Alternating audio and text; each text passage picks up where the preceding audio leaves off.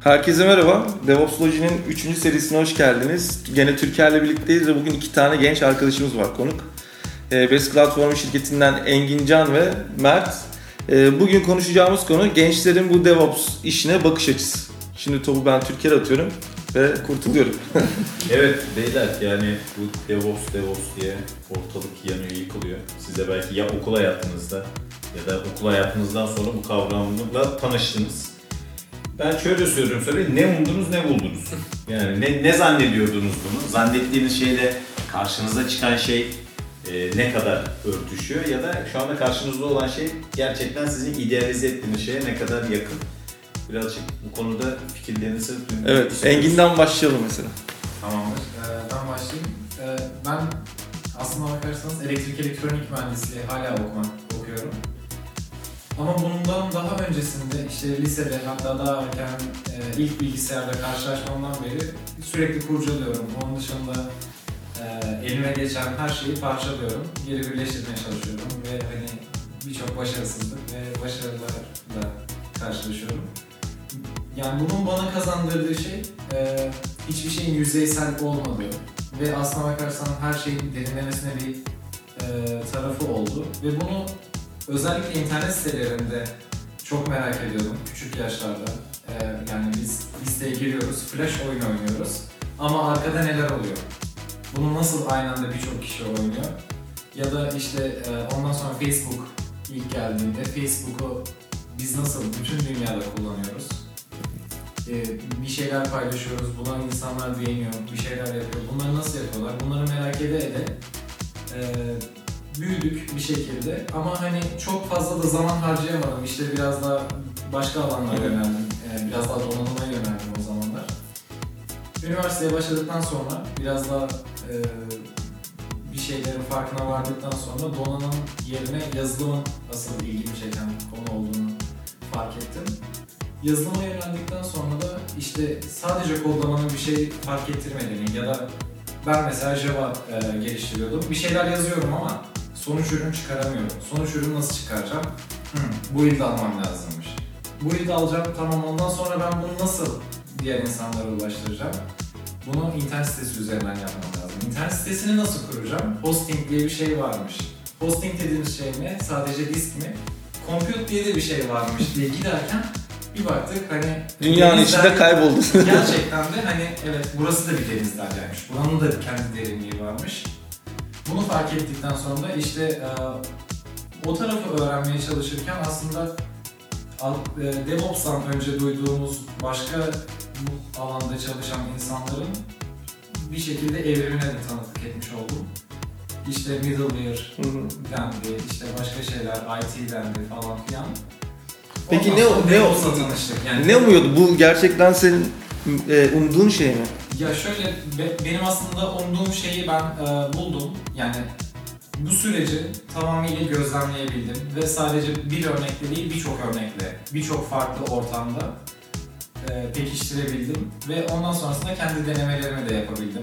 Yani tek başıma ben bu işi yapabiliyor muyum diye baktığımda bir şeyler çıkarabildim sonuç olarak ve ben e, umduğumu buldum aslında bakarsan. Yani güzel bir projesi evet. vardı. O zaman Mert sana geçelim. Sen ne diyorsun? Umduğun bu muydu? Ee, abi, Beklediğin bu muydu? Şöyle ben e, ilk öğrendiğimde ya çok alakasız bir şekilde öğrendim bunu. E, işte arkadaşım bahsediyordu ya ben işte ileride böyle bir title altında çalışacağım DevOps'la. Onuymuş dedim yani hani ondan dinledim ilk. O da diyor işte anlayayım diye herhalde biraz da izlenimi ters bırakınca herif baya böyle şey yalın anlattı. Ee, dedi işte hem development'tan anlaman gerekiyor hem bu arkada işte e, o zamanlar tabii ki biliyorum hani bir şeyler kodluyorum bir şekilde yalap yaptı olsa yayını alıyoruz ama hani ya bir sysadmin kadarım yani belki yani o da junior'ı yani sadece işlemi yürütebiliyorum. Ee, orada da işte arkadaş anlatıyor. Biraz o tarafı bildiğimi de biliyor. İşte e, hem development yapabiliyorsun, anlayabiliyorsun karşına gelen şeyin çalışıp çalışmayacağını veya işte bu işin yürüyebileceğini biliyorsun. Hem de e, bu işte yayını alma sürecini nasıl işleteceğini biliyorsun. E, yani onun anlatmasına göre aslında bir ekibi lead ediyorsun gibi anlattı. Ben hani öyle bir öyle bir algıyla başladım. O zaman yanlış bir algıyla başladın. Bayağı yanlış Şu aslında. senin şey- Kim giydin? Ne olmuş? Öyle mi bekliyordun? Ya Yönetici. Ya öyle, öyle bir kafayla hani çıkardı. Sonra dedim ulan bu neymiş hani ben araştırayım. Öyle araştırdığımda da aslında felsefe olduğunu falan öğrendim. Ama çok salladım mı yine sallamadım. Şey yine hani e, sysadminlik üzerine kendimi geliştirmeye devam ettim. Linux'u kurcalıyordum zaten. Hani birkaç senedir kurcalıyordum onu öğrendiğim süreçte. E, yine ben aynı şekilde kendimi eğitmeye devam ettim. Sonrasında dedim ki ulan ben bir şeyler yapıyorum ama sürekli her şeyi kendim tekrar ediyorum. Burada bir terslik var yani. Hani işte bir şey kurmam gerekiyor ben kuruyorum. Hani bunun bir illaki biri düşünmüştür. Başta 5 scriptler falan yazdım saçma sapan. İşte bir çalışıyor bir çalışmıyor tutarlı değil. Sonra eee, o arada hani işte böyle bir artık işe gireyim bir şeyleri öğreneyim. Hani en azından bir challenge olur bana. Hani kendim yaptığım zaman yayarak çalışıyorum. Çok verimli geçmiyor. Sonrasında işte bir veri merkezi vardı. Orada başladım. Orada da hiç DevOps ihtiyacı yok yani. Herkes öyle legacy devam. Ama şey de böyle bir yandan açık da kafaları. Ama Ben sen bunu şeyler yaparken düşünüyorum. üniversite kaçsın? Ee, bu bahsettiğim hani DevOps'a başladığımda ben son sınıfın yani başı yani. Yazın erken gittim hatta. Yani işe gireyim böyle ev tutar gibi. Ee, sonrasında orada başladım. Adam dedi ki hani benim böyle bir sistemim var. Yani Digital Ocean'a benzetmeye çalışıyorum. Orada işte hazır uygulamalar kurmam gerekiyor. Benim e, app'imi Dockerize etmem gerekiyor. İşte Docker diyor. "Aa, Ne oluyor ya falan hani yok böyle bir şey. E, Elasticsearch kullanacağız. İşte bunu nasıl yaparız? Hiçbir şey bilmiyorum. Ama hani şey var. Merak Böyle he, hiç zaten kimse yardım etmemiş. Full self learning de gelmişsin bir yere. Yani bir şekilde yapman lazım. Hırs da yapıyorsun. Böyle araştırıyorsun. Elasticsearch'ü kaldırıyorsun. Abi erişebildim mi erişemedim. Aa bu sıkıntı. İşte yok biz buraya yazarken buna bir şey oldu falan git bak düzel. Ya bir şekilde kendini eğitiyorsun. İşte Dockerize ettim. Sonra diyor ki hazır uygulamalar kullanmam gerekiyor. Ansible. Böyle bir teknoloji varmış. Ona bakıyorsun. Aa bu ne güzel bir şeymiş ya. Biz 5 scriptleri at çöpe falan. Buna geç. Sonra onu yaptık. Ee, iş hayatına atıldığında artık böyle cidden hani DevOps sürecine dahil olduğunda ya ciddi ciddi. ee, orada bu sefer hani Ansible'ın da eski bir teknoloji olduğunu öğreniyorsun. Ulan cloud Yapma, var falan. Yapma daha yeni. ya şuna uyuz oluyorum ben. Biz daha yeni yaptık. Hayata geçirdik eskiyor. Yani bu ne Allah cezası bir şeymiş bu. DevOps Tüketim toplumu. Daha teknolojiyi anladık, öğrendik, hayata geçip kullanıyoruz dememize kalmadan o eskiyor yeni bir şey Evet. Çıkıyor. Ne oldu ne Ben de oldu? buna deli oluyorum. Ama abi şey de büyük ihtimal hani e, Ansible'dan önce siz SaltStack falan kullanıyorsunuz Onlar- veya Puppet o da Ha, yine Puppet. güncel biraz ama e, onda hani agent var Ansible böyle yeni bir teknoloji çıkartıyor agentless çalışıyorum falan. Çok güzel olaylar yani bunlar. Güzel peki şunu anlatsana. Senin bir tane iş görüşmesi hikaye var ve Abi, bir CT'ye söylediğim cevap var. Onu söylesene. abi o da o da yine DevOps nedir? Hani lan geliyorsun sen buraya İş bu iş görüşmesinde CTO ile görüştüm. ben. Evet Abi, en son o- o Mert e, ünlü bir şirketin CTO'suyla görüşüyor en son görüşme. Ve CTO Mert'e şöyle bir soru soruyor. Sence DevOps nedir mi? Evet abi. De, Sen, sen ne cevap verdin? Abi o, o da çok İnme geldi mi? Abi geldi zaten hani ilk böyle böyle hani iş görüşmesi tecrübem. Ya zaten böyle çok e, iletişimi de kuvvetli bir herif değilim. Beceremiyorum yani bu işi. E, işte sordu. E, herif dedi işte sence DevOps nedir? Hani gireceksin bu işe. Ulan tanımla title'ını. Bana mavide anlat gibi sorular var ya. ya bayağı Morpheus var ya geldi karşıma soruyor. Bir daha ben de hani öncesinde böyle arkadaşlarım sorduğunda işte takılırken falan geyiğini bu şekilde anlatıyordum. Ulan dedim ne kaybederim ki artık yaktım gömüleri. İşte abi dedim bence gönül köprüsü DevOps dedi. Sonra işi kaybetti. ya olsun can sağlığı abi. Ama şey yani baya böyle o ara başka bir şeyle ilgileniyordu. Ee, bir şeyler yazıyor olabilirdi. Hani bir irkildi ulan bu ne diyor dedi. biz, biz kimlerle konuşuyoruz? Aynen öyle abi. Biz kimlerle muhatap oluyoruz? Ha, Şu yola O zaman çıktım 100 abi. üstünden puan ver Mert. Ne umdun ne buldun? 100 üstünden %60'ını buldum, 70'ini buldum. Abi şöyle Çok alakasız Ya da bir şey. %100'den fazlasını Hiçbirini bulmadım ya da beklediğimden de iyiymiş. Ben bu kadarını hayal dahi etmemiştim. Abi beklediğimden çok daha iyi. Hani nedeni şu. Yani üniversitede tamam çok profesyonel olmasa da İyiliğe kötülüğe vurmayalım. Yanlış sordum soruyu. O senin beklentinle ne kadar uyuştu? Karşıladı mı? Öyle Abi şöyle ben beklenti olarak hani e, işte sysadminliğin otomatik hani otomasyonla birleş ha evet ya infrastructure as a kodu yaptığın kısmı sanıyordum. Onun daha fazlası olduğunu gördüm. Yani çünkü çok daha fazla hands-on elini kirletiyorsun. İşte böyle çok uçuk kaçık işler Ya yapıyorsun. kısacası- İnanılmaz iyi geldi yani. Hani Yüzde kaç? Yüzde seksen mi? Yüzde doksan mı? Yüzde yüz on mu? Abi bence %100'ün üstünde ya. Ben hani bu Helal kadar olsun. öngörememiştim. O zaman- yani. o kadar ufkum açık. Ee, Best Platform'un en yakışıklı erkeklerinden bir tanesi Engin Can'a Türker sorusunu yönelsin. Sadece erkek olduğunu söylemiyoruz değil mi bu arada? Abi niye? Aynen. Yok değil mi? DevOps'ta kız yok arkadaşlar. Yetiştiriyoruz. Yetiştiriyoruz evet. Ee, yani beklentinin ne kadar karşılandı? Hı hı. Ya sen ne Uyuştu, bekliyordun? Uyuştu, yani. mu? yani. Kaf- kafandaki Hayal ettiğin bu muydu? Şeyle.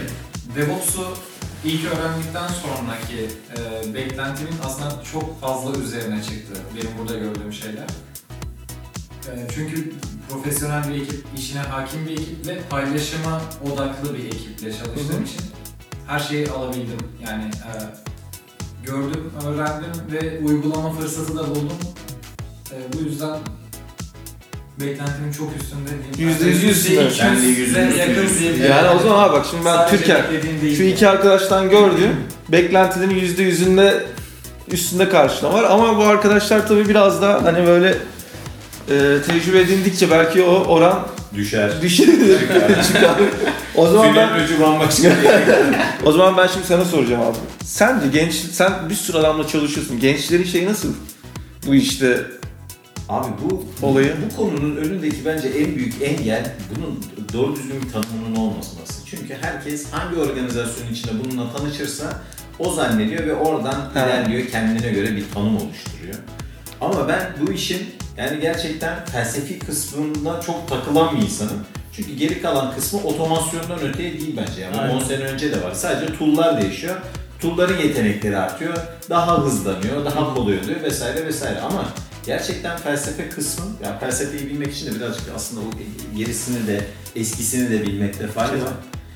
Ee, yani en büyük engel o.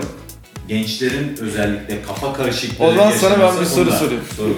genç sen- senin beklentinin ne kadarını karşıladı gençler bu işte? Çünkü çok fazla genç adamla da çalıştın, tecrübeli adamla da çalıştın.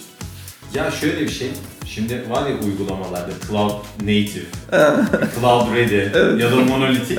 Biz monolitik adamlarız abi. Biz eski model, biz, bizi dönüştürmek daha zor. Ama bu çocuklar Cloud Native, DevOps Native bir jenerasyon geliyor. Yani dolayısıyla kafaları o şekilde formatlanmış. Dijitalin içine doğmuş. Adam zaten te- telefonuna bağımlı yaşıyor. Evet.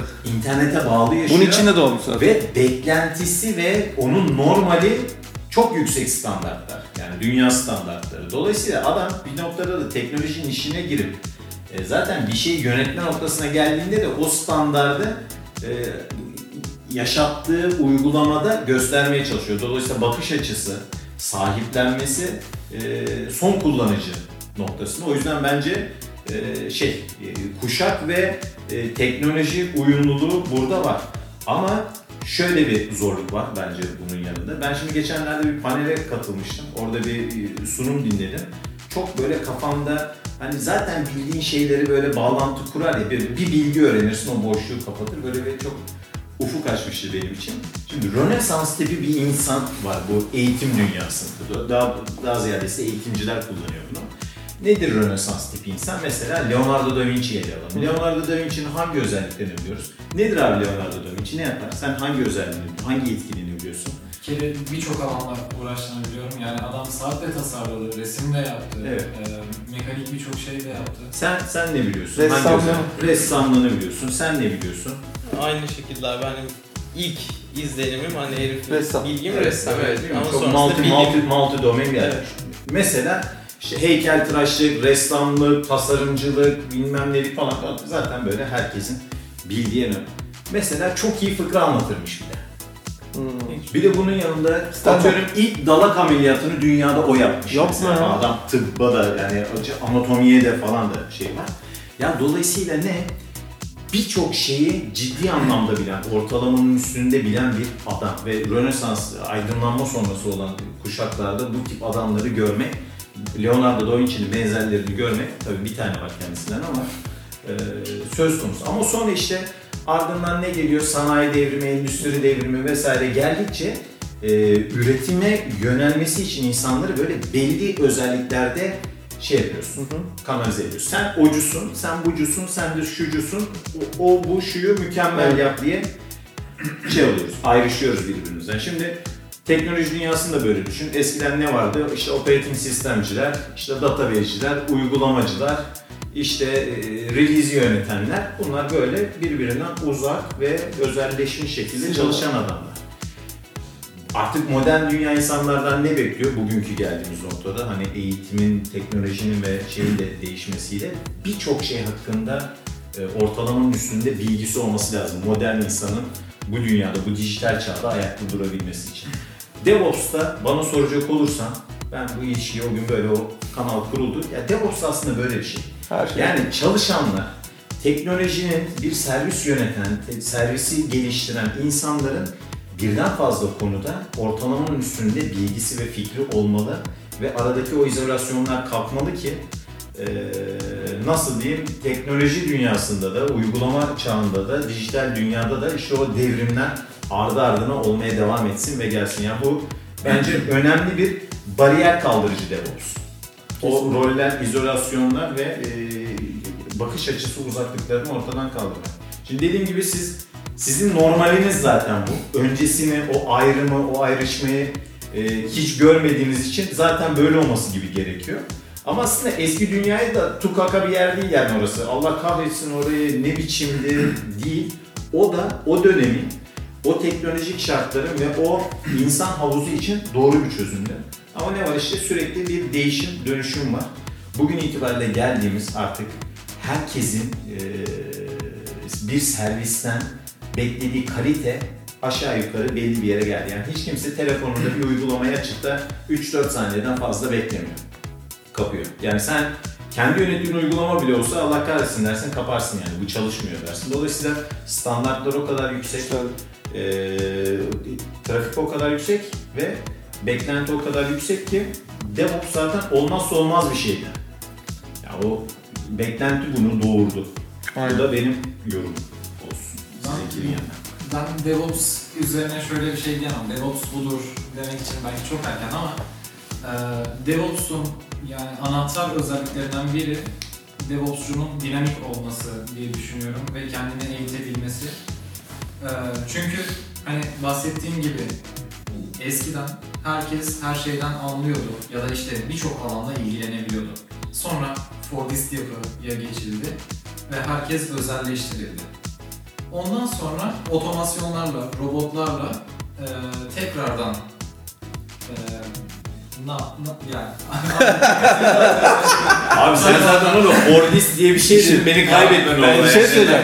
Ben şu anda arkada Fordist ben ne buradan söylüyorum. Böyle bir termin Engin, Engincan Sözlükte geleceğim bundan. çok bilgili bir arkadaşımız. Genç arkadaşımız. Oğlum sen bu bilgiyi nereden ya şimdi, Çok da yakışıklısın, bilgilisin ya. Ne yapıyorsun oğlum seni böyle?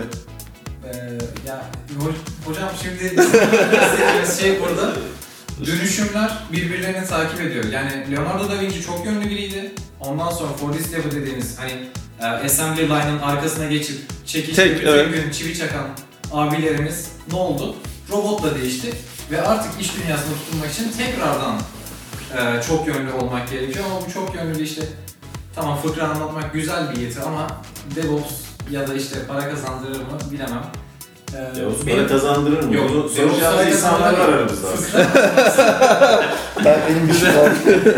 Yani o, tekrardan buraya geçtik ve DevOps doğru e, konumda diye düşünüyorum meslek olarak ya da gelecek vaat eden konuda. Yine çok yönlü insanların yapabileceği, dinamik insanların yapabileceği bir şey olarak görüyorum. Güzel. Benim bir sorum var. Şimdi ikinize de soruyorum çünkü ikiniz de aslında halen öğrencisiniz. Evet. Aslında ben de cevap verebilirim ama siz daha updated öğrenci olduğunuz için size soracağım. Ya okulda bu konuyla ilgili ne kadar yetkinlik kazanıyorsunuz? Ben kendi adıma söyleyeyim. Ben okuldan çıktıktan sonra bir sistem engineer olarak çalışmaya başladım ve okulda öğrendiklerim böyle benim %5 ile 10 arasında işime yaradı. Yani çoğu hiçbir işime yaramadı okulda öğrendiklerim. Yani öğrendiklerim %90'ını bir sene içinde işe girdikten sonra öğrendim. Şu anda böyle bir dünyada şey yapıyoruz, çalışıyoruz. Artık eee, programlama, kodlama hiç olmadığı kadar belki önemli oldu artık. Okuldan ne kadar yetkin çıkarıyorsun? Bilgisayar mühendislikleri bölümleri ne kadar bu işi derdine eder? Söyle. Ya da yazılım mühendisliği. Bu konuda şöyle düşünüyorum ben. Hani e, ya tamam çok güncel ilerlemiyorlar. Bunu herkes kabul ediyor ama e, en azından ben biraz daha şanslıydım. E, yani sağ olsun hocalarım biraz daha böyle aktif olmaya çalışan heriflerdi yani. E, onlardan cidden aldığım bir şeyler ama e, mesela şu an mesleğimde kullandığım bilgiyi düşünürsek e, mesela bir tek ders vardı işime yarayan o da veri iletişimiydi. E, onda da hani fena değildi hocam baya hem böyle hands on Kısacası yani şey oldu mu? gösterdi. Ee, ne kadar katkısı oldu okulu sana? %10 maksimum. Senin ne kadar oldu? Bu alan için yüzde birden fazla değildi. Elektrik okudum. Ben ha, olsun. Ben Aynen, ben ben senin bu halin daha kötü. ben ben bu konuda bir yorum yapabilirim. Gözlemlediğim kadar çok fazla okullara gidiyorum ya.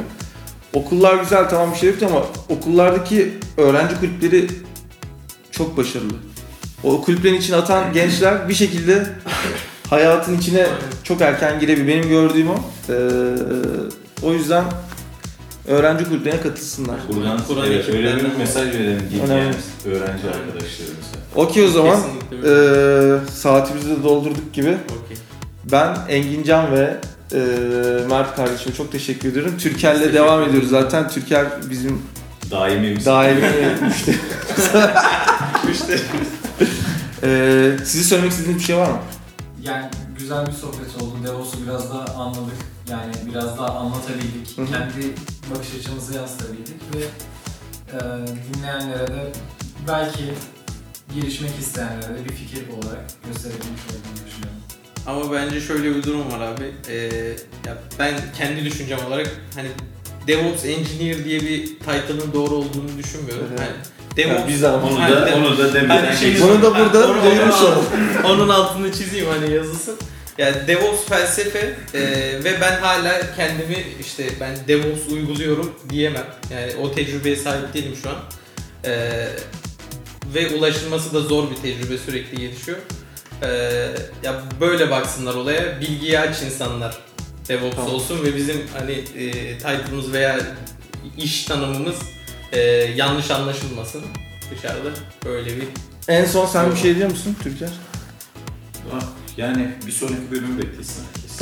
Ben bir şey diyorum. Bakalım kaç kişi Engincan Höke, Mertcan Öngengil'i LinkedIn'den stalklayacak. Bir sonraki bölümde açıklayacağız. Kendinize iyi bakın.